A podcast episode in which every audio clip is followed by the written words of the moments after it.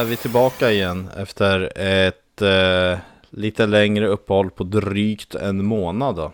Välkommen hit Andreas och alla ni som lyssnar. Tackar för det, tackar för det.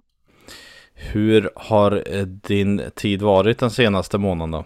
Har du gjort något kul? Uh, Nej, håller på att renovera ett badrum, så det är mycket som händer där. Jag har varit sjuk under veckan som typ alla andra, känns det som. Ja, samma här. jag lyckades åka ut för någon eh, matförgiftning eller magsjuka i måndags. Så. Ja, sängliggandes i förrgår kväll och igår då. Så men eh, nu är jag pigg och redo att podda i alla fall. Gött. Eh, vi har med en gäst lite senare eh, som vi återkommer till då. Eh, men eh, innan dess så tänkte jag att eh, en, en, kort summering sen senast har väl varit att om vi ska dra i, st i, stora penseldrag så skulle jag väl säga att vi, det har gått bra.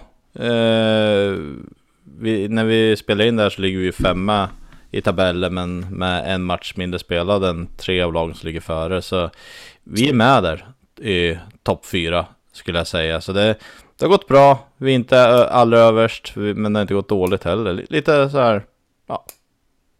Eller vad tycker du? Nej, men alltså sett till skador, sjukdomar, allt fan skit som har förföljt oss den här hösten.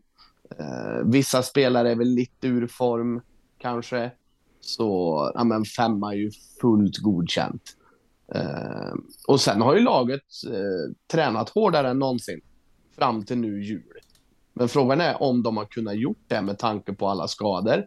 Eh, och det är inga dåliga namn vi har på skadelistan heller. Nej, för det var ju efter att vi spelade in senast så var det ju, har ju Lennström eh, skadat sig. Eh, kommer inte ihåg om Björka var skadad. Eh, men det måste han ju... Det måste också ha kommit efteråt va? Ja, det tror jag nog ja. Men det är ju två stycken. Björka gjorde ju en jättebra eh, sista del där. Mycket mål och så vidare. Och Lennström behöver ju inte diskutera så mycket. Utan så det, det har varit två tunga tapp eh, senaste tiden. Och vi har ändå... Och så har vi varvat med lite olika frånvaro på olika spelare. Men... Eh, nu ser det väl ut att vara, bli ljusare på den fronten. Eh, det är fortsatt, just nu i dagarna så är det mycket sjukdomar. Precis som du och jag nämnde så har vi varit sjuka så har det varit mycket sjukdomar i laget, även hos eh, tränarna. Så det är högst osäkert vilka som står i båset imorgon, torsdag den 8 eh, när vi spelar in det här då. Eh, och, men eh, om vi, återgår, om vi går till skadorna där då på, vi har ju, jag skulle säga tre stycken ganska tunga namn som då är, är på väg tillbaka. Det är ju Lennström, Björka, det vill säga Henrik Björklund och eh, Wikstrand. Eh, när tror vi att dessa är tillbaka då? Eh, har du någon eh, känsla kring det här? Eh, ja. Det, alltså alla tre får ju egentligen vara tillbaka helst igår. Mm. Men jag tycker det är väldigt klokt att man inte skyndar med en sån som Lennström. Han kör ju på is nu. Ehm, men, äh, men det, det, är klokt att inte, att inte skynda fram det där för att säsongen blir förhoppningsvis lång. Vill du ha facit då när de är tillbaka? Ja. Ja, Björklund han kommer tillbaka 17 december. Lennström kommer tillbaka 26 december. Och Wikstrand kommer tillbaka 19 januari.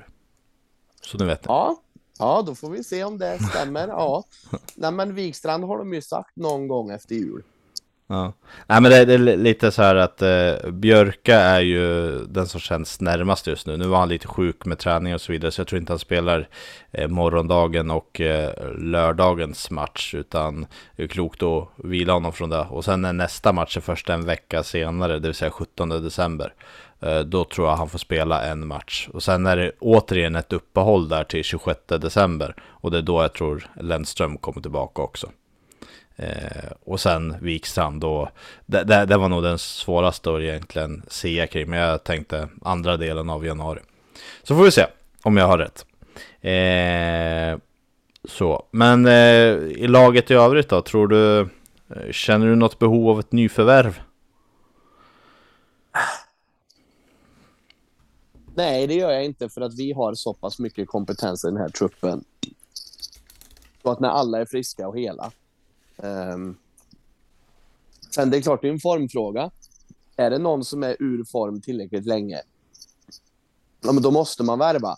Sen är det också en till aspekt. Alltså, vad finns vad, fi vad, vad finns på marknaden?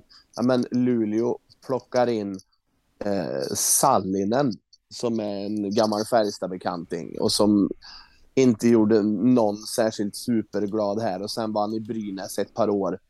Det var ingen utstickande spelare där. Och sen Mario Kempe som inte har spelat hockey på ett år liksom. Och är 35. Visst, det finns ett hockeykunnande i honom. Men det säger också en del om hur tunn den här marknaden faktiskt är. Mm. Och eh, Linköping plockade in någon som heter Jasse Ikonen. Eh, som ja, spelar i finska ligan som ingen vet så mycket om. Eh, Örebro plockade in Marenis från Hockeyallsvenskan. Eh, och som inte fick vara kvar i sin klubb där. Och samtidigt som de plockar över eh, Radek Mutzik idag från Luleå. Som inte heller fick vara kvar i klubben där. Så det, det är liksom det är inga, eh, det är inga första kedjespelare vi pratar utan det här är ju tredje, fjärde eh, linjespelare linespelare som finns som värvas för tillfället. Mm. Så det är, nej absolut, det är inga fina större namn som är på marknaden. Eh, och jag delar din uppfattning förutom att jag har ju sagt det redan från början och det är ju att jag skulle välkomna en center in i det här laget. Men eh, då skulle det vara en bra center också. Eh, så eh, det är väl där, där jag, jag står i så fall. I övrigt så har vi ju vår förra poddgäst eh, Marcus Westfeldt som har tagit steg för steg för steg och nu senast har han ju blivit ihopparad med Linkan och Lillis och det har blivit en riktigt fin kedja. Några ja, men, där? ja men, det, nej, men det har du ju absolut och det är ju rätt intressant när vi poddar med honom just det att, att han ska ta kliv. Ja, vi pratar kliv säsong för säsong, men han gör det match för match istället. Ja, men det tycker jag. Han, han är väl egentligen av de nyförvärven från allsvenskan som har imponerat mest på mig. Ja, jo, men det kan nog... Det är Björklund också då, men nu har han varit borta så länge så att man har liksom tagit bort och sen, sen har Tornberg som kanske är absolut lägst förväntningar på som uh, har gjort det bra också. Så det, nej, det, det var ändå generellt sett varit fina allsvenska värvningar. Det är Bergqvist som kanske har varit uh, lite av en besvikelse. Men det är också en ung spelare, född 00, som uh, likt Westfält ska ta kliv. Och det, och det hoppas och tror jag att han kommer göra. Men han har ju ett längre kontrakt, precis som Westfält, tre år. Så mm han, eh, det här är ju första säsongen, så egentligen om man säger så, egentligen ska Westfält vara sämre än vad han presterar nu. Vissa, vissa har ju en förmåga att eh, eh, anamma en ny liga lite lättare än vad andra har och Bergqvist kanske har lite svårare så eh, vi får se nästa säsong eh, hur det ser ut då så för, för hans del. Men eh, hur som helst är ju eh, ja, det är bra, bra svenska värvningar vi har gjort. Och det känns ja. ju bra nu om vi pratar då Westfält, Lillis och Linkan-kedjan som vi har. Så har vi en till kedja med Remielli, eh, Åsa och Nygård. Så vi har två stycken ja, bra kedjor sådär. Tredje kedjan just nu har ju varit också en kedja som historiskt faktiskt har funkat bra med Ejdsell, Linus och Viksten. De har ju spelat mycket förr. Så vi har ju på pappret så sett hur det presterat och hur det har funkat förr så tre bra kedjor nu faktiskt i toppen där. Ja, men det har vi ju absolut. Och sen eh, just i Viksten där, det är ju ett enormt sparkapital i den grabben. För där har du ju en person som, ja men han, han är ur form nu. Sett till vad han ska göra. Det är han verkligen. Det är väl kanske säsongens, eh, ja, han, han kan nog vara en av besvikelserna så här långt. Men samtidigt vet vi att han historiskt sett har funkat bra i en eh, i en eh, fjärdekedja och liknande också. Så det finns ju fortfarande en, eh, en användbarhet kring honom. Även om man inte gör de här 48 poängen han gjorde för två säsonger sedan. Eh, ja, nej, men så är det ju. Jag kommer inte... Det fick mig att börja tänka på... Pratade inte vi om... Sa vi varsin spelare som vi trodde skulle floppa inför, inför den här säsongen? Ja, ja, gjorde vi det? Det minns jag faktiskt inte. Vi måste gå tillbaka och lyssna. Eh, det blir spännande. Någonting säger mig att Viksten var med där faktiskt. Men det får, får vi återkomma till nästa avsnitt. Eh, eller om någon av er som lyssnar här kan det där i huvudet eller eh, så får ni gärna kommentera det. Jag hoppas att jag sa Viksten och att jag får rätt. Eller jag hoppas att jag har fel, rättare sagt egentligen. Men om, någon, om man ska floppa så hoppas jag det var jag som sa det. Ja, Va, vad tycker du om våra målvakter hittills då? Eh, där tycker jag som så att eh, Tomkins är överlägsen etta egentligen. För Hildeby visar, och jag går åt igen, han är ung också. Han är född 01 och det här är hans första riktiga eh, A-lags SHL-säsong egentligen från start. Eh, och han, han, är, han är lite osäker. Där han har höga toppar, eh, djupa dalar. Eh, Tomkins har en så mycket högre lägsta nivå kombinerat med hög topp. Eh, så jag tycker det är ganska självklart att vi har en etta den här säsongen och Hildeby är tvåa. Eh, senast när Hildeby fick eh, spela så var det väldigt skakigt i början, släppte in några. Sen jobbade han ändå in sig i matchen nu och avslutade eh, andra halvan av den bra. Så Ja, nej, alltså jag känner inte, alltså Tomkins eh, är jag inte orolig för, utan han, han, han tycker jag har presterat och visat och har det som krävs för att gå hela vägen. Så jag tycker inte att vi behöver göra någonting där. Och, eh, samtidigt såg vi förra säsongen när vi hade en tydlig etta i Furs att det räckte långt. Så en tydlig etta är ju Tomkins den här säsongen med en Hildeby som ja, ändå gör det bra, även om han inte känns som en guldmålvakt i dagsläget. Nej, eh, så är det ju. Alltså, jag skulle nog säga att eh, ja, men överlag så får de betyget godkänt. Eh, visst, Tomkins var jävligt bra förra matchen. Men det var också länge sedan han var det, känns det som. Mm. Jag tycker han har hållit en, en bra hög nivå ändå snitta, om man säger så här, jag, än så länge under säsongen så skulle jag ge honom 4 av 5 betyg. Uh, Hildeby, han är på 2 3 någonstans under säsongens gång tycker jag. Så ja, totalt sett kanske godkänt så, uh, om man slår ihop de båda, men uh, ja, det är min syn i alla fall på det. Mm. Tror du att Tomkins är en guldmålvakt? Ja, det tror jag. Du tror det? Yep. Ja.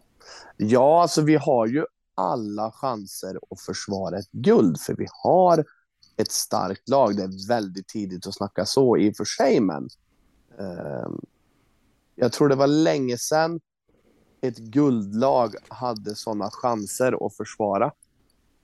Ja, för det, det, känslan är ju mångt och mycket så att det känns ju faktiskt bra. Alltså, som jag sa i början, liksom, vi vinner en hel del matcher och så åker man på en eller två förluster. Men det är inga konstigheter egentligen, utan vi det tuffar på, helt klart. Eh, ja. Backsidan då, Ville Pocka, kommentarer där? Nej, men... Jag har ju försvarat han lite. Jag tycker ändå att han har fått lite onödigt med skit. Eh, det är ingen offensiv back i Ville Pocka. Eh, han ska vara en defensiv back och runt sarghörnen.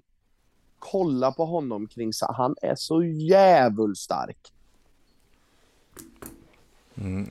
Ja, jag, tyck, jag tycker att, äh, han, han, han, är, han är stabil och sådär, men sen är väl aspekten eh, lönekostnad kontra prestation.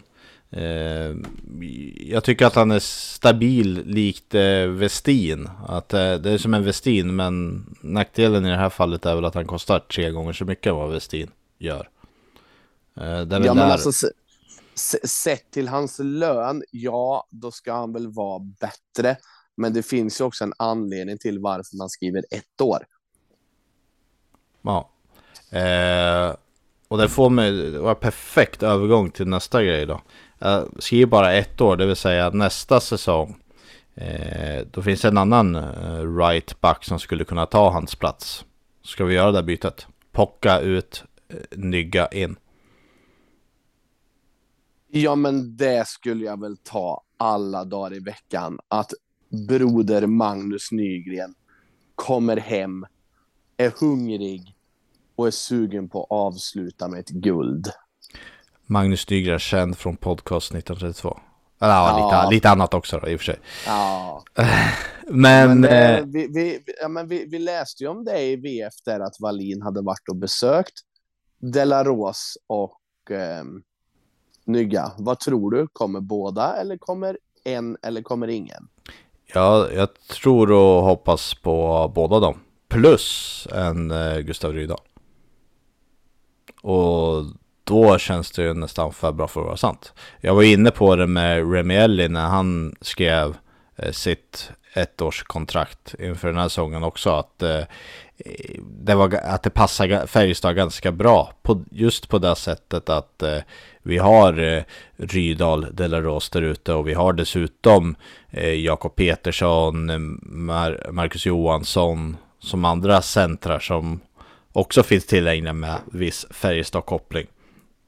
Så att eh, Ellie skulle bli långvarigare än ett år, ja då skulle det vara att han verkligen presterar något extremt. Eh, men skulle han prestera något extremt så är det ju å andra sidan att han kanske lämnar på grund av ett bättre kontrakt. Så Ellie har jag nog aldrig sett som mer än en som skulle kunna ge allt den här säsongen.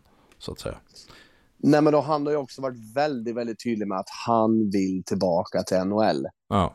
Och, det, och just det, den mixen gör ju att så länge han, och vilket han har sagt i intervjuer, att han har ju liksom tänkt mycket på laget. Så han, han, han verkar ju verkligen vara rätt person på det sättet också. Att han, eh, han kommer inte hit för att eh, varva ner eller någonting utan han kommer hit för att verkligen prestera och förhoppningsvis kunna vinna någonting även om det är kortvarigt och kanske inte har det här högsta klubb eller känsla för just eh, Färjestad, klubbhjärtat på det här sättet så känns det ju ändå, jag, jag, jag gillar honom jättemycket av det han presterat och med tanke på att han bara varit liggande så kort stund så har jag Eh, i många fall försvarat honom i diverse konversationer under hela den här säsongen. Så jag, jag, gillar honom, men jag ser honom inte mer än ett år på grund av det finns vissa andra då i Della och eh, Rydal med flera som skulle kunna komma in som jag faktiskt hellre tar in på grund av eh, deras eh, kopplingar och deras nivå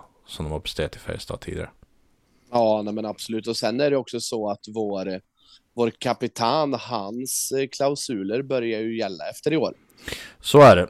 Eh, och då är ju frågan hur det ser ut i NL-ligan i Schweiz. Om den någon som vi eh, haffa honom. Jag eh, har ändå, eftersom han står inte ut på det sättet, eftersom han har en helt annan spelstil, så har jag ändå stora förhoppningar att han kan vara kvar. Och jag hoppas det. Det vore skönt att ha någon kvar som kapten, även om vi då har en nygga som kanske kan komma hem och vi har andra kaptensmaterial i, i klubben så ser jag ändå Linus Johansson som vår kapten eh, perfekt på det. Så jag hoppas att han ändå stannar kvar och hur, hur fint hade det inte varit att mönstrat en centerlina nästa säsong med Linus Johansson, Westfält, Delaros, eh, Rydahl. Ja, alltså får du inte in Marcus Johansson där.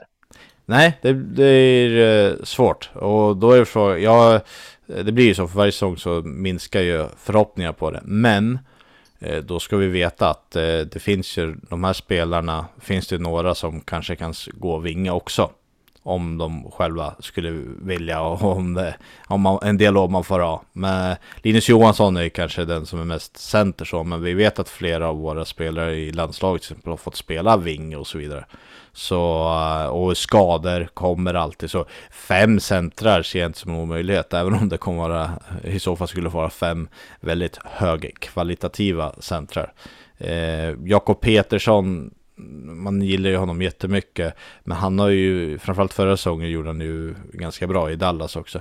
Eh, och han tror jag kanske inte vänder hem. Och skulle han vända hem så har han ju inte den här samma djupa koppling Eh, även om jag tror att han har, han har väl ett visst fruntimmer som faktiskt är från trakten.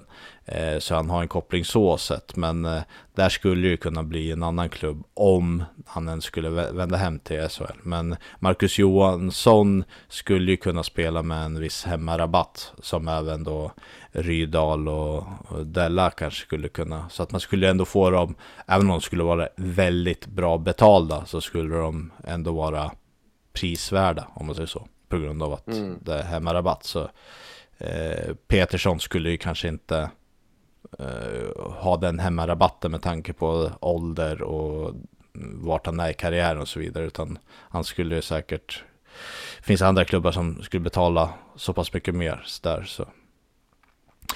Eh, här kommer vi in lite på de där då. Så hoppas och tror på både Della, Rydal och Nygga till nästa säsong helt klart. Ja, det hade ju varit klassförvärv att få in, alltså helt klart. Ja, eh, jag vet inte om man drömmer för högt, men jag ser det inte som orealistiskt med tanke på eh, historiken och vart de är i karriären också. Lite så här, eh, tar emot att säga det, men en sån som Nygge är ju ändå börjar komma till åren. Eh, han är lika gammal som en annan, men eh, så det det är ju ont att säga det, men det, i hockeyvärlden så är det ju tyvärr så. Ja, Nej, men, och, och, det, och det är ju det. Mackan är ju också född 90. De, är tre, de blir 34 år. Alltså, ska de komma hem, då ska de ju vilja vinna liksom. Ja, men exakt. Men det, eh. och, och det betvivlar ju inte Magnus Nygren att han inte vill vinna. Kommer han hem, då vill han vinna. Ja, Absolut, det är 100 procent. Eh, men eh, det blir spännande nu. Eh, landslagssamlingen som kommer snart. Eh, då är det ju i eh, Schweiz och man har ju Sam Hallam har ju tagit ut spelare majoriteten som spelar i Schweiz. Så både Nygga och eh, Delaros kommer ju spela där. Eh, tillsammans med Victor Ejdsell då, från, som enda Färjestad-spelare som blir uttagen. Och det var ju en deal vid 100 årsfirande av eh, våran eh, ja, vet det, våran eh, svenska, vad heter det, svenska förbundet heter det. det svenska ishockeyförbundet firar 100 år, så gjorde man en deal att eh, eh kunna flytta en SHL-omgång för att kunna ha den här utan någon SHL-omgång. Och den flyttas ju till nästa lördag tror jag. Och eh, därmed hamnar det mitt i la nästa landslagsuppehåll och därför så väljer Sam Hallam max en spelare från respektive SHL-lag. Och den spelaren från Färjestad blev just Viktor Ejdsell då. Och samtidigt har han gått ut och sagt att efter även nästa säsong så kommer de ju välja de här två första samlingarna kommer de i stora drag välja olika spelare. Eh, så att första samlingen väljer de eh, en trupp och andra samlingen väljer de en annan trupp. Och sen till tredje, då plockar de ut de som egentligen har presterat bäst i de här två samlingarna. Mm. Så vi kommer se eh, fler olika spelare som får chansen i landslaget i början. Eh, men tillbaka till den samlingen så kommer det bli högst intressant att se eh, framförallt Nygga då. Eh, Della såg vi ju ganska nyligen, men Nygga har ju varit borta från landslaget ett tag och schweiziska ligan har man inte tittat allt för mycket på. Eh, så det kommer bli kul att se, för han själv i intervjun har ju pratat mycket om att han har utvecklat det defensiva spelet. Och eh, det är såklart om vi tittar på nästa säsong när vi har en Lennström, Nyström som har gått ut med att han stannar nästa säsong, vilket är jätte, jättebra. Men Lennström, Nyström, det är två riktigt starka, utpräglade offensiva spelare. Magnus Nygren känner ju vi som en offensiv spelare. Eh, och skulle, alltså både Nyström och Lennström är ju powerplay-backar och det är ju Nygga också. Så då har vi tre powerplay-backar och då är det ju rätt bra att ändå Nygga har det defensiva också. För det eh, kommer vara användningsbart eh, under nästa säsong. Även om vi har kvar typ Tornberg och sådär. Eh, men det blir spännande också nu som vi var inne på när Wikstrand kommer tillbaka och vi ska eh, få in en Wikstrand i, i dagens trupp också. Eh, så, men nästa säsong då kan vi ha en Lennström, Wikstrand, Nygga, Nyström. Det är fyra jäkligt bra namn på papper för topp fyra backarna. Ja, men det är det ju. Men en, en sak som också är intressant. Vem av backarna som vi har nu, vem petar du när Wikstrand är tillbaka i form? Jag skulle ju säga att eh, till exempel eh, Göransson eh, och Bergqvist, de två ligger lite utanför. Eh, så det skulle i princip kunna vara Lennström, Lindroth, Nyström, Pocka, to Tornberg, Wikstrand. Det behöver inte vara de backparen, jag bara rabblar dem i huvudet. Då. Så jag, jag, ser inte det här problemet egentligen när Wikstrand är tillbaka, att, eh, utan det kommer ju hamna någon så kommer det komma någon annan skada som alltid. Eh, men det, det jag vill är att med Wikstrand framförallt, eh, Lennström, där är jag inte orolig, men med Wikstrand som är borta mycket längre, det är att han, och som hade en halvknackig förra säsong, det är att man verkligen, där ger man verkligen honom tid att verkligen känna att han har tränat upp sig och är på topp. Eller ganska, han har inget match, matchvanan är ju svår att komma in i, men alltså att han är verkligen, eh, han ska man inte stressa helt enkelt. Nej. Finns ingen anledning Nej. på det sättet. Eh, vad har vi till nästa säsong? Eh, om vi går över på tränarsidan. Då har vi väl utgående på de assisterande va? Om ja. jag minns rätt. Ja. Har du några tankar kring det? Ja, men det där är ju lite spännande för att eh, en huvudtränare vill ju alltid välja sina egna ass. Mm. Eh, och han fick ju inte göra det med de två. Nej, vi var ju ganska, eller vi kände ju att det kunde, det var väldigt frågande, vad kommer hända till nästa säsong? Kommer, innan guldet, vill säga, kommer Pelle och Rodin vara kvar eller vad, kommer det hända något eller inte? Och sen vann man guld. Vilket ja. gör det svårt, svårare för Mitell att liksom byta ut. Det, det funkade uppenbarligen. Men eh, det är som du säger, Thomas kanske har någon eller några som han väldigt gärna vill arbeta med. Och det kan ju vara någonting de redan har pratat med när han väl kom till föreningen. Också. Ja. Så vad tror du? Tror du båda blir kvar? Tror du någon byts ut eller vad? Men väldigt svårt att säga. Väldigt, väldigt svårt att säga det där vet nog två personer om, tror jag, just nu. Och det är Rickard Wallin och Thomas Mittell, tror jag. Ja. Nej, och uh, det, det, är ju... Det är ju det är ju vid den här tiden, tränare brukar ju ändå vara lite, klar, brukar bli klara lite tidigare. Det är inte som spelare som kan bli klara sen under sommaren liksom. Utan det här är ju någonting man gärna vill ha satt tidigt. Eh, och kommer det inte någonting att de här två har förlängt kontraktet, någon av dem. Eh, för varje dag som går så tickar det emot att det kanske blir två nya. För, för samtidigt som det, en, att det förnyas, det kommer ju ut, om det, eller brukar jag göra. Eh, men skulle det bli ett byte så är det ju inte så ofta man kanske går ut och säger att de här kommer inte vara kvar nästa säsong. Eller att man presenterar en ny. Det gör man ju inte förrän säsongen är över. Så... Nej, men så är det ju. Men sen också, vad finns på marknaden? Det är också det. Marknaden är tunn. Även på tränarsidan? Ja, jajamän. Ja. Det... jag, jag, vet, jag, jag kan för lite eh, om just marknaden på tränare. Vad som finns. Mm. Ja, vi, vi, vi får se. Helt enkelt. Det känns lite 50-50 för min del i alla fall, om det byts ut eller inte. Det är just det att man vann ändå guld med dem. Uh, hade vi inte vunnit guld förra säsongen, ja då hade, då hade jag trott mer på ett byte på assisterande. Mm. Ja, absolut. Men det, vi, vi får se. Eh, mm. Som sagt, jag tror det är ytterst få personer, och så ska det ju också vara, som vet vad som sker. Sen är det ju så, Pelle har ju varit skills, eh, skills coach förut. Sen är frågan, vill han gå tillbaka till den, till den rollen om det skulle vara så? Han, han pratade ju tidigare om att han ville ta nästa steg. Det var ju lite det, mm. det var ju andra som ryckte lite i honom innan han fick chansen som assisterande. Så risken finns att man tappar honom helt i föreningen i så fall också.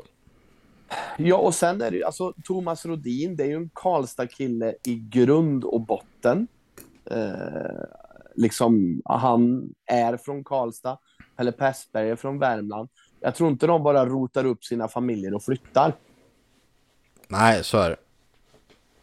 Så det, nej, det, sen är det ju så, det här är ju, de, de vet ju om vad som gäller.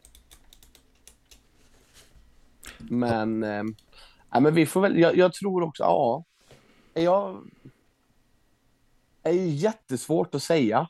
Eh, alltså ska man ta in två nya, då ska det ju vara bättre än det vi har nu. Så är det ju.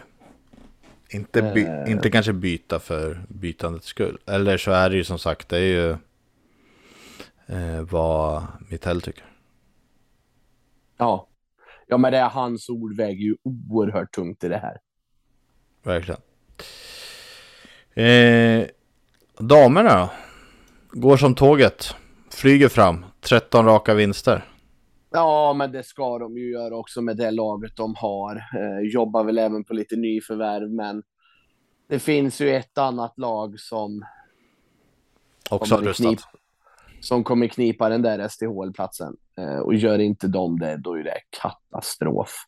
Eh, och det är ju Frölunda. Frölunda.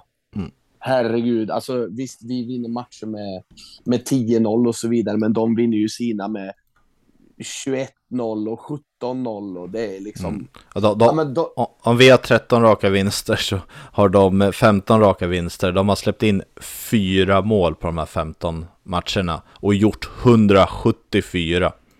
Ja. Vi, vi, vi har gjort 85 och släppt in 13 på 13 matcher. Så vilket är jättebra, men eh, det ser man skillnaden. Sen är det såklart det är annat motstånd och så vidare. Vi, eh, det är ganska stor diff på damsidan. Men eh, det säger ändå eh, väldigt mycket. Ja, men det gör det. Och... Men, men alltså, samtidigt, om, man ska inte skynda en sån här process heller. För går du upp, du ska stanna kvar också. Mm, absolut. Men om vi tar tvåan i deras lag, eh, Malmö, som eh, de, de har ju varit uppe liksom på Färjestad damnivå. Har de ju varit senaste säsongerna. Eh, de förlorade de mot Frölunda med 13-1 respektive 10-0. De två mm. matcher de har mött den här säsongen. Så mm. Det, det, säger väldigt mycket. Och det har vi varit inne på tidigare för mig här i podden också. Att jag tyvärr hade vi, den här satsningen som Färjestad har gjort, för laget ser bättre ut än någonsin på pappret. Eh, tyvärr, hade det varit förra säsongen hade det varit bra chanser. Nu, ja, det ser jäkligt svårt ut att kunna knäcka detta Frölunda, tyvärr. Men eh, förhoppningsvis kanske man kan Förhoppningsvis kan man skrälla och få ihop laget och kanske krydda till det så ska det inte vara omöjligt i alla fall. Men Nej, men alltså, in, in, ingenting, ingenting är ju omöjligt, men det, det viktiga är ju att behålla stora delar av det här laget till nästa säsong och även spetsa till det. Då finns det ju möjligheter som är jättestora. Ja, för då kom, om nu Frölunda som vi kanske tror kommer spela riktigt bra och kanske gå upp då, så kan det ju vara ett annat lag då som är det som är på väg ut och som man kanske har större chans mot. Vi får se, men eh, sum, sum, summarum i alla fall kring, summa summarum är att eh, det ser bra ut för Färjestad Ja. Men vi kommer stöta på svårt motstånd framöver. Ja, det kommer vi. Och det ser ju faktiskt även bra ut på juniorsidan i år. Bättre I... än på många år. Ja, där hade vi ju en väldigt, eh, väldigt negativ trend förra säsongen, helt klart. Mm. Men, det, ja, men det, det händer saker i föreningen som är positiva. Verkligen. Så det är kul. Och ja. som det ska vara. Färjestad är en stor klubb. De ska vara i toppen även på juniorsidan. Helt klart. Ja, men helt klart, helt klart. Vad säger du? Ska vi bjuda in vår gäst? Ja, absolut. Vi kör. Så, då har vi med oss en gäst och det är ingen spelare den här gången, utan det är en anställd. Det är ingen mindre än Stefan Berod Eriksson. Välkommen! Tack så mycket. Läget? Jo, bra tack. Laddar inför match? match? Ja. Match imorgon och match på lördag. Det är trevligt. Ja, nu har jag haft några dagar ledigt nu från, från hektiska arbetstider gissar jag. Ja, jo men lite luft har vi fått den här veckan. Det har vi fått. Men, men blir det så mycket mer ledigt eller när är det egentligen det som mest för er? Är det på en matchdag eller är det mittemellan en matchdag? Nej men en matchdag är ju ganska lika. Alltså. Det är väldigt mycket lika som ska göras. Sen kan det vara lite olika saker. Men en, en matchdag är ju en matchdag. Då brukar ni inte lägga in så mycket annat arbete utan det, matchen får ta. Och den tar sin tid med allt som små block som ska roddas för att det ska vara klart klockan sju. Ja, men vi kanske ska inte vet, Jag tänkte säga det, de... vi kanske ska börja med att du får presentera dig mer. Börja bör direkt, vi som vet vem du är. ja, jo. Stefan heter jag idag, som ni har sagt. Eh, jobbar på, som kommunikatör för Färjestad. Och eh, har även en hel del med mediabiten att göra. Eh, framförallt i match är det väl så. Och lite annat smått och gott. Och lite annat smått och gott. Men eh, ja. en, en matchdag då? Hur, hur ser en matchdag, arbetsdag ut för dig? Vad gör du liksom?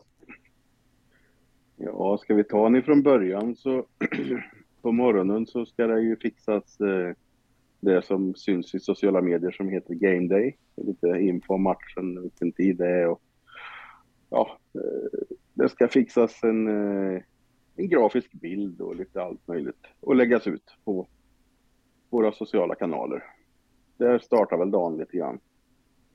Och sen eh, börja och samla ihop alla mejl och så som kommer ifrån eh, media som vill komma och jobba på matchen akkreditera dem, eh, göra lite listor. Det ska få oss ett lag från, från eh, lagledningen så det går att göra de här grafiska laguppställningarna som dyker upp två timmar innan match. Hur lång tid innan får du dem ungefär? Det beror ju lite på. Um, är det inga skador någonstans och allt är, är liksom som det ska, då kan jag få dem i god tid. Är det som det har varit under hösten nu, lite skador och frågetecken, då, då, blir, det, då blir det mindre tid att fixa de där grafiska laguppställningarna. Så det, kan jag väl säga. Det, det, är då de gångerna som det kan vara en och samma spelare av misstag kan ha kommit två gånger till exempel. Det kan hända ja. Ja, sista minuten än en gång. Ja, och sen så tror den att oh, nu är jag klar, nu har jag sparat allt. Och sen så lägger den ut och sen så kommer det något meddelande. Du, det är samma här. ja, det är det. det får vara så. Jag kan inte göra någonting åt det. Uh, ja, mänsklig faktor. Det händer ibland, men förhoppningsvis inte alls för ofta. Nej, men så är det ju.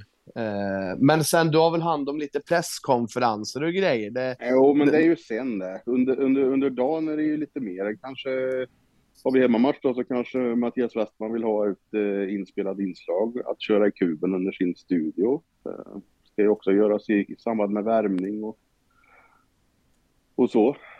Mm. Så då får man klippa och klistra lite och, så att han blir nöjd.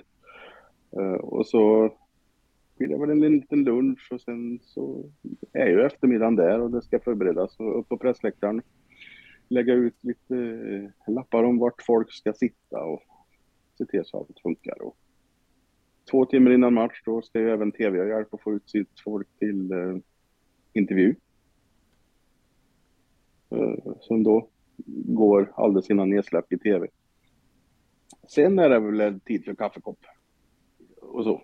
Innan matchen börjar. Men, men, men man kan säga att du är lite av värd då, pressvärd också. Jo, så är det. Mm. Jag har hjälp av eh, Thomas och Majvor som är två ideella stjärnor som har varit med länge. De håller till uppe i taket med eh, pressen. Jag brukar ju hänga runt rinken när det är match. Mm. Ta någon bild eller två. Och sen, eh, sen är det paus och då ska man ju in och producera den här eh, resultatet som också kommer ut i på Insta-story är det vi kör den. Det, det är liksom lite plock hela tiden. Mm. Det låter som att det är full fart konstant på en matchdag egentligen. Ja men alltså full fart, jag vet inte, det beror, inte, beror ju lite på vad som eh, händer. Flyter allt så... eh, Det är det som är grejen. Du kan ju inte göra vissa saker förrän du har fått infon från annat håll. Svårt måste veta res-. Du måste Jag veta resultatet innan du lägger ut resultatet. Ja, men lite så. Jag måste veta vilka lag, vilket lag vi har innan jag kan göra det där. Det går inte att förbereda allt på en gång. Därav så blir det lite utdraget ibland. Men eh, under själva perioden när matchen är igång, då är det Mm. för det mesta lugnare under den under perioden så att säga. Och sen i pausen så får du lite mer hektiskt lite att göra, eller? Ja, hektiskt. Jag hinner ju med det jag ska. Ja. Jag hinner med eh, göra det och, och få i mig en kopp kaffe. Och sen är det ju... Sen är det ju dags igen. 18 minuter går fort alltså. Ja. Det gör det. Ja, ja, det ska gudarna veta. Ja. Eh, Man, man hinner inte mer än en öl på en paus, det ska gudarna veta. Framförallt inte man ska stå och köa först. Nej. Jag, nej, jag har inte det problemet riktigt på matchdagen. Nej, nej, men det måste ju vara skönt. Men eh, om vi ska blicka tillbaka då lite till våren, när det ändå var match varannan dag i typ två månader.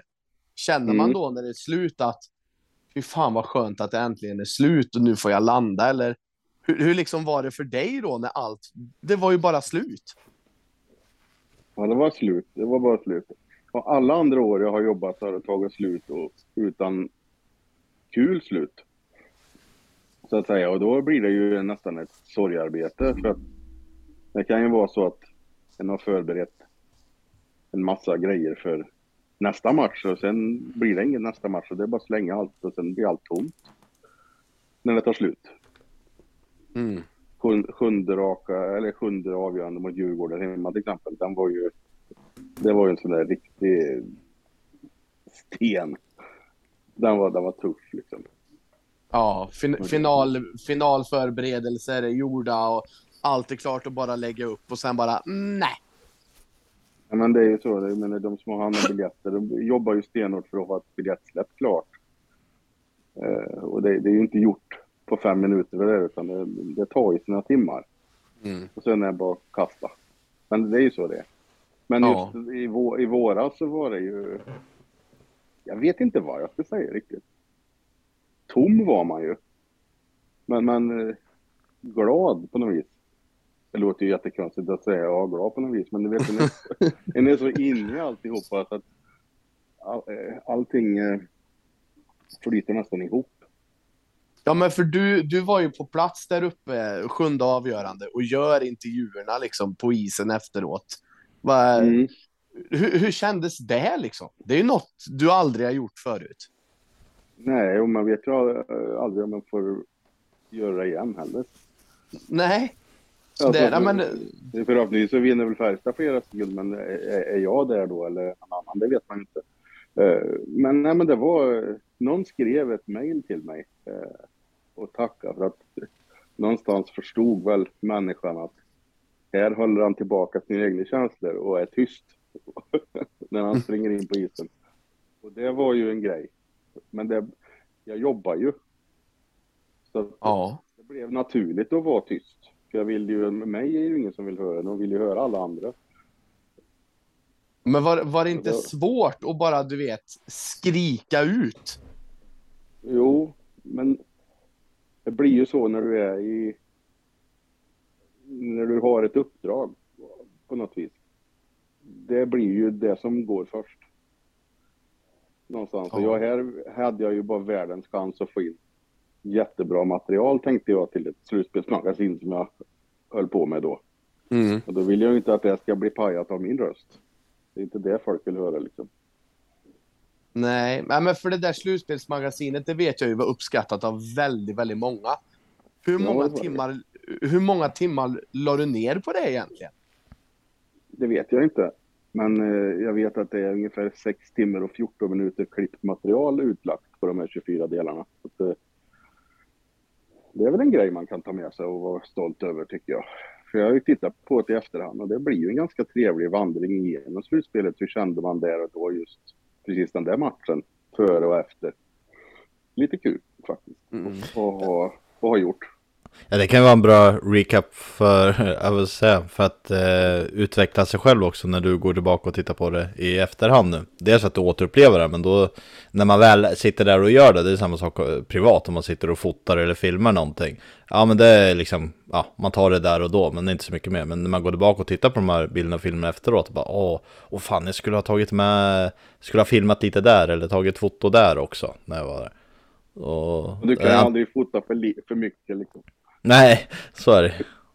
Men så man liksom utvecklar sig också på det sättet. När man tittar på det Absolut. i efterhand så att säga. När man, när, de, Ja. när man har släppt det där, när man var väl inne i det hela. Men allt det där är gjort med telefon. I stort sett allt. Ja. Eh, För att göra det så smidigt som möjligt och inte släpa på väldigt mycket saker. Så fick jag till en lösning så att all, i stort sett allting är ju fixat med telefonen. Klippt också där. Nej. Nej. Men, men filmat ändå. Ja. Mm. Mm. Så att det, det, ja, de är ganska bra nu telefonerna så det funkar. Liksom. Har du en sån här eh, mikrofon, eh, vad säger attachment till telefon då eller? det- Ja, precis. Mm. Det, det, har jag, det skaffade jag. Eh, och Jag hade en rättare sagt som jag inte visste att jag hade hemma. Men jag provade, den funkar. Det var, det var ju, ju bra. Nej, men det, Ja. blir ju det blir ju ganska mycket åkande och då vill du inte släpa på för mycket. Det blir liksom osmidigt också i flygplan och allt det nu Vi åkte ju bara flygplan Mm. i slutspelet. Men, men om vi då, det där var ju extremt mycket glädje vid guldet också. Men hur, hur Mm. påverkas ditt arbete generellt då? Det är, eh, när det går bra och sen ibland går det lite sämre för laget. Hur påverkas ditt arbete av lagets prestationer? Jag skulle vilja säga att lagets prestationer påverkar nog allas arbete på, på jobbet, så att säga. Eh, Det, det gör det ju. Det är, alla bryr sig väldigt hårt om hur det går. Och, och, jag menar, går det bra så är det ju uppe. Vi säljer mer biljetter, det, det är glädje och det är inte så mycket klagande utan allt flyter på. Är det mycket motgång så kommer ju allt. Liksom. Så det, Ja, det, det från- följer med ja, från alla håll. I alla Ja. möjliga kanaler. Och det, det är ju, det, man vet ju att det är så. Folk eh, blir frustrerade på olika saker och vi vill ha svar. Och ibland kan man ge svar, ibland kan man inte ge svar.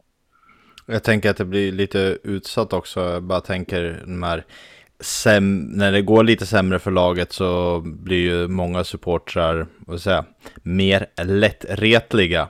Eh, så som kommunikatör eller som lägger ut saker, då kan det ju lätt bli att vissa ja, ordval kan bli olyckliga eller så. Har det varit mycket sånt att du känner att när, när väl laget går sämre så blir det mera jag vill säga, negativa kommentarer också från olika håll? Eller? Jo, men någonstans är väl det naturligt. Även om jag kan tycka att det personligen är det ganska tråkigt för det, det driver ju inget framåt så sett då. Eh, men eh, jag, jag förstår varför det blir så och då kanske en får vara lite mer noga med hur en skriver och, och och så. Eh, men, men samtidigt, du kan ju inte heller du kan ju inte heller liksom inte göra ditt jobb bara för, för det. Vi, vi kommer ju förlora matcher framöver och vi kommer att vinna och förhoppningsvis så, så vinner vi mer än vi förlorar. så blir det mindre av det. Nej, för på, för något sätt så är det väl att ändå fortsätta vara positiv även om det går dåligt. Det, ju, det blir inte bättre av att det läggs ut negativa grejer när det går lite sämre heller. Så är det ju. Nej, nej, och sen alltså att vara nära sporten som jag har förmånen att få vara i mitt jobb lär man ju sig ganska mycket av just det där att ja, men förlorar vi på den ena dagen så är det en dag emellan, sen är det en ny match. Det är liksom, man lär sig att inte älta. För att den där matchen är redan förlorad och den kan vi inte göra någonting åt. Däremot kan vi lära oss av vad som gick snett och kanske göra det bättre nästa gång. Så där lär man sig en del av att vara ihop med, med de som tävlar helt enkelt. För de måste ju tänka så. Mm. Det är ju en Ja, lyx och- för, för supportrar att kunna älta, för det kan ju inte vi som är utövare. För då skulle vi inte vinna en match till om vi bara gick och funderade på allt som har gått snett. Nej, men och någonstans så tror jag nog att många har lärt sig av fjolåret. Jag vet ju själv när vi torskade mot Luleå hemma med 0-8. Ja, men då, då gick mitt topplock liksom. Jag var vansinnig. Eh, Men, men det är den matchen liksom. För kolla slutresultatet, vart man hamnar sen. Mm. Så det, är, det är ju lite det här, ja men jag förstår frustrationen hos folk. Jag själv tappar också humöret ibland. Men någonstans så försöker man ju lära sig gnäll när det är slut. Jag blir tvärtom. Jag säger den en 8-0 match. Det var väl annandagen va? Var det inte det? Det, det minns jag faktiskt inte. Men då var det Eh. tomt när jag gick hem och det var kallt ute. Och det var liksom, vad hände? Det var, det var ju den känslan. Har det hänt? Ja, Overkligt. Men det hände. ja. ja men det gjorde det och sen ser man ju också vart vi stod sen. Mm. Så det, det, det är ju det, alltså matcher på en säsong, det förlorar man. Ja, Förutom Arsenal då, för 25 år sedan. ja, exakt. Ja. Eh, Mm. nej, men, nej men så absolut att det finns en frustration under vissa matcher, men just det här. Ja, man kanske skulle lära sig mer av att gnäll när det, när det är slut. Ja, men det, det är känslor också vet du, en har att, att göra med. Det, det är svårt. Vi är olika allihop, men, men det är klart att om en, se, alltså en spelare singlas ut och får en jäkla massa skit, det är klart att den liraren blir ju inte bättre av det. Den grejen kan jag väl ha väl svårare att förstå när man går på en spelare i sitt eget lag, oavsett, oavsett vart det nu är, men, men det händer ju överallt i vilka sporter som helst. Att det är liksom, han är inte bra nog och han är dålig och han är sopa och alltihopa. Det kommer ju aldrig göra en spelare bättre. Någonsin. Nej, nej, men det, så är det ju absolut. Men jag tänker ju också på det, du säger ju att du har en förmån att jobba väldigt nära sporten. Mm. Ehm, hur är det för dig när en spelare eller tränare ja, men får sparken? För jag menar, nu kan jag- nå- någonstans, ja, men någonstans bara- bygger du ju en relation. Ja, så är det ju. Eh, Ja, men den är ju tuff. Den är ju tuff, även om jag fattar väl varför beslut tas ibland, men, men det är ju människor också man har att göra med. Och, och jag har ju ingenting i min roll som gör att jag behöver att tycka varken du eller be om saker så. Utan jag, jag, för mig är det ju människor jag jobbar med. Om de får gå eller... Det är lika tråkigt när någon eh, väljer att byta lag. Som man har kommit överens bra med och tyckt om. Det blir också en liten sådär sorg. Ja, för det blir ju Att en, ho- vä- väldigt eh, omväxling med eh, kollegorna, om man säger så. Du byter kollegor relativt ofta.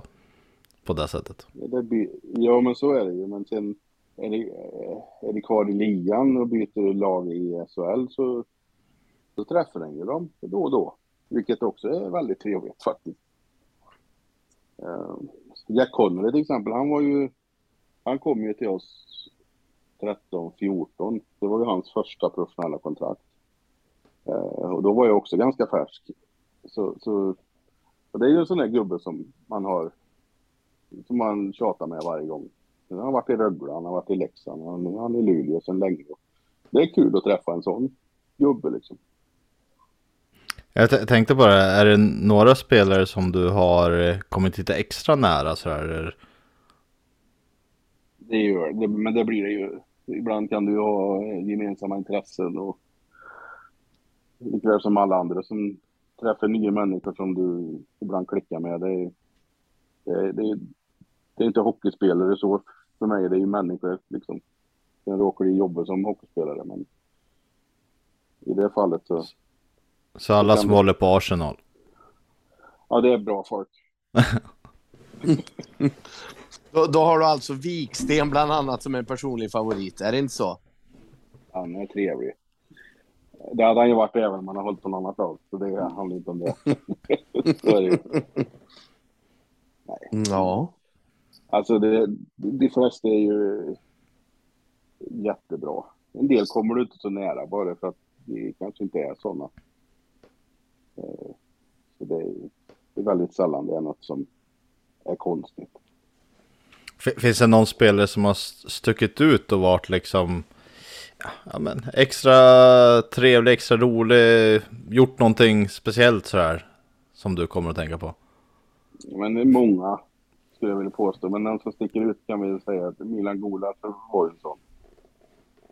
Kom hit, inte speciellt bra på engelska, ännu sämre på svenska.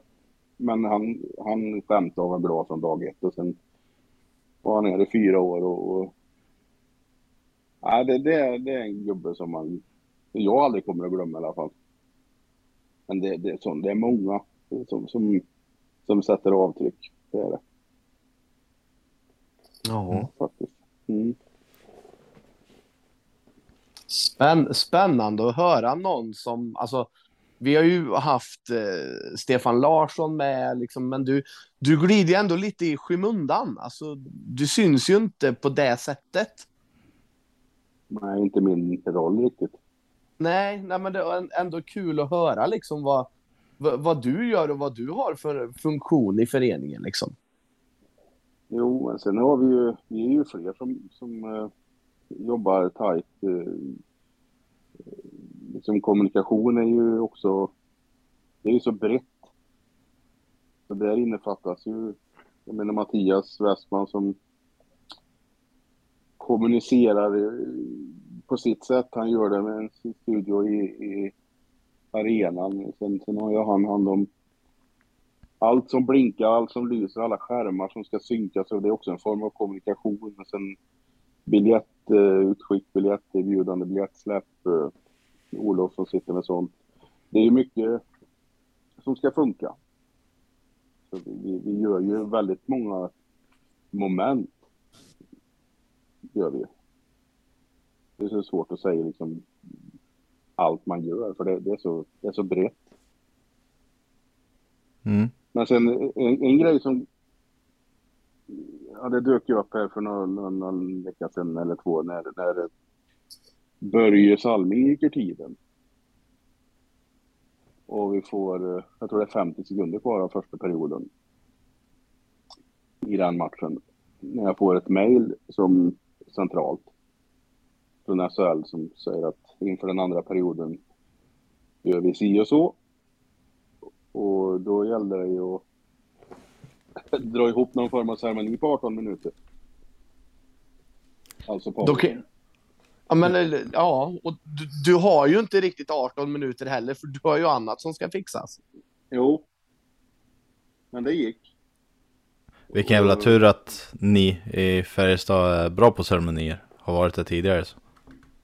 Ja, men här var det nog faktiskt lite gött att ha lite vana. Faktiskt. Ja. I... Ja, men det var ju informerad domare hemmalag, bortalag. Inför andra ställa upp på blå. Eh, inga hjälmar, hjälmar i båset. Och sen i Westmans anda, han skulle försöka få upp någon bild på, på kuben eh, för att visa. Och eh, då hade vi inte fått något material av SHL, så vi var ju lite tidiga i vår match. Så det han, när vi fick det, då hade vi redan gjort vårt. Mm. Jag hann också med att skriva Mattias tal som han läste under pausen. Så det var, det var svettiga 18 minuter, men då kände den också efteråt att det blev ganska värdigt. Tycker jag, på den, med den framförhållningen. Jag tyckte det var jättefint. Och bra. Ja, Eh, ja men, du sa, att ha lite att luta sig mot i vana i alla fall. Ja, men, exakt. Eller vad man ska säga. men du nämnde att du fick ett mail. Hur, jag tänker, jag sitter jag cirkulerar säkert 50 mail i min inkorg och utkorg i Mm. en enda jobbdag. Men hur, hur tusan hinner du se ett mail under match? Eh, var det bara ett mail? Jag tänkte om du inte hade läst eller gick det till flera eller hur? Det gick till fler, men jag, där är jag glad att jag har den här klockan på armen. Ja, Jag får, jag får inte så mycket mail under match annars. Så, så Okej. händer det något, kommuniceras det någonting under match så är det oftast någonting som gäller här och nu. okej, ja. Så, så att eh, den kollen har man. Nej, för annars tänker jag att det borde liksom, ja, att de borde ringa ut när det är så här kort om varsel. Jo, att det, alla... kom, det, det kom sms också. Så att, Okej, så, ja. Det här blev det lite att oroligt. Spela på. Ja, Tidsmässigt var det inte mycket att spela på. nej men exakt. Nej, men det, å andra sidan, det är ganska stelt om man skulle bomma det där liksom. Mm. Nej, det gör man inte. Nej, men de, eh, det, var ju, det var ju... Så fick jag veta det, men eh, sekretariatet fick det ju via situationsrummet och alltihopa, så vi hade ju full koll. Liksom, men, men tidsaspekten var ju densamma. Mm. Så att det, det gick ju ut i alla möjliga kanaler internt då. Ja. En- En annan sak som du eh, är med och anordnar och fixar med vet jag, eh, det är ju medlemsmöte. Eh, och där, jag var ju en av de som tyckte tråkigt som eh, inte bor i närheten av Karlstad att eh, inte ha till, eller med möjligheten som medlem att kunna deltaga eftersom det, den tiden det är om man jobbar, jag jobbar dessutom en timme bort från mitt hem och sen har jag två timmar ytterligare för att komma till Karlstad. Eh, och det är svårt Mm. att deltaga och digital medverkan var ju någonting jag och många andra önskade och det var ingen som kom i början. Men efter mycket om och men så lyckades ni få till det. Eh, och då måste jag dels ge cred till eh, att ni fick till det, men sen också som ni fick till det. För eh, det var ju så mycket bättre än vad det var tidigare också. Det var riktigt eh, ja, proffsigt. Bra ljud, eh, bild, alltihopa. Det var bra flyt och Ja, det blev alltihopa. jättebra till slut. Ja. Vi tog lite hjälp. Vi fick, vi fick lite hjälp. Så det var det som löste alltihopa. Det var, det var kanon. Verkligen. Riktigt bra. Ja, och, och bra flyt. det Du var, ju du var ju lite konferencier där och tyckte det flöt på bra där också. Så även du ska ha cred för det. Så det var kul att det kunde lösa sig. Ja, det var det. Nej, men det är väl någonstans där som man vill att det ska vara. Men, men eh, just, nej, det- ja, inte gå in på så mycket. Vi löste det och nu fick vi in en teknisk lösning också som var, var godtagbar. Så det var, det var väl en avgörande faktor i det. Yes, Man vill ju göra, Ja. att, det, göra att det är bra liksom. absolut. Ja. ja jag, jag kan ju inte säga något för jag var ju på plats. Ja, Du tog väl snålskjuts med Mattias Westman eller? Din granne. Eh, nej, jag åkte faktiskt egen bil dit. Va? Gjorde jag. ja. Så det, nej, det var... Det, det är inte ofta jag åker med honom faktiskt.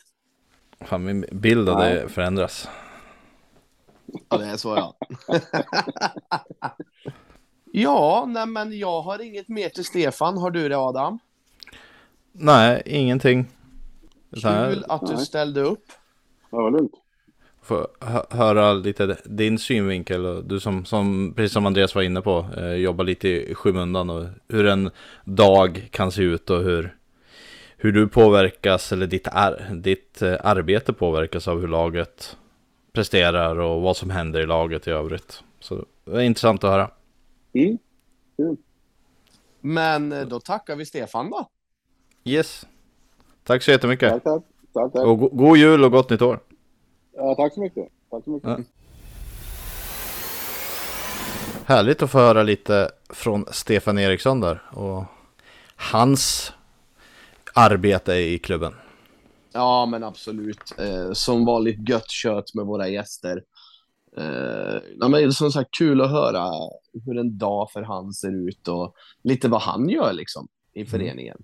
Det, Och på tal om hans, hans roll så sett så har ju de faktiskt förstärkt lite där på delvis. Våran eh, vän och eh, klipp som hjälper till och klipper här tillsammans med din Johanna, Henrik Toms har ju faktiskt börjat arbeta delvis med Färjestad. Uh, har ju framförallt eh, Färjestad skapat en TikTok eh, kanal heter det väl. Eh, som man väl får gå in och följa där, han, där det läggs upp lite andra typer av klipp än det som normalt sett eh, kommer i Instagram och eh, Facebookflödena. Framförallt ni lite yngre kommer hitta dit utan problem. Du sitter väl också med TikTok? nej, det gör jag inte. Men, men din sambo gör. Ja, jag känner till TikTok, men jag använder det inte. Jag har faktiskt tyvärr skaffat TikTok i och med detta. Endast på grund av detta. Men jag har faktiskt hållit mig ifrån det. Så jag, enda gången jag öppnar den är för att se om det är någonting Facebook. Så jag åkte inte fast i någon sorts eh, hypnos och drog som vissa andra verkar göra kring den här jäkla TikTok. Mhm. Ja, det, är- det är lätt att fastna. Tydligen. Eh, men inte för mig. Eh, vilket jag är glad för. Men eh, tycker väl att vi rundar av här då. Och eh, högst troligt så kommer det kanske inte komma något mer avsnitt innan jul. Kanske inte heller nyår utan det får vi väl se om schemana passar. Så för säkerhets skull så är det väl lika bra att vi önskar alla god jul och gott nytt år redan nu, eller vad säger du? Ja, men det tycker jag. Och sen får det också bli skärpning. Vi har ju sagt var tredje vecka och det måste vi börja hålla också. Absolut. Det hoppas vi kan eh, steppa upp. Så det kanske blir ett kring nyår. Före eller efter eh, vågar vi inte lova. Men vi får se. Som vanligt får ni gärna gilla och dela och kommentera. Och hoppas att ni tyckte att eh, denna lyssning var underhållande nog att ni lyssnar fortfarande på detta vi pratar säg- och säger nu. Eh, ha det så kanon eh, så hörs vi framöver och så får ni hälla upp lite glögg och eh, ta pepparkakorna nu framöver. Ha det bra alla! God jul, gott. gott nytt år! God jul!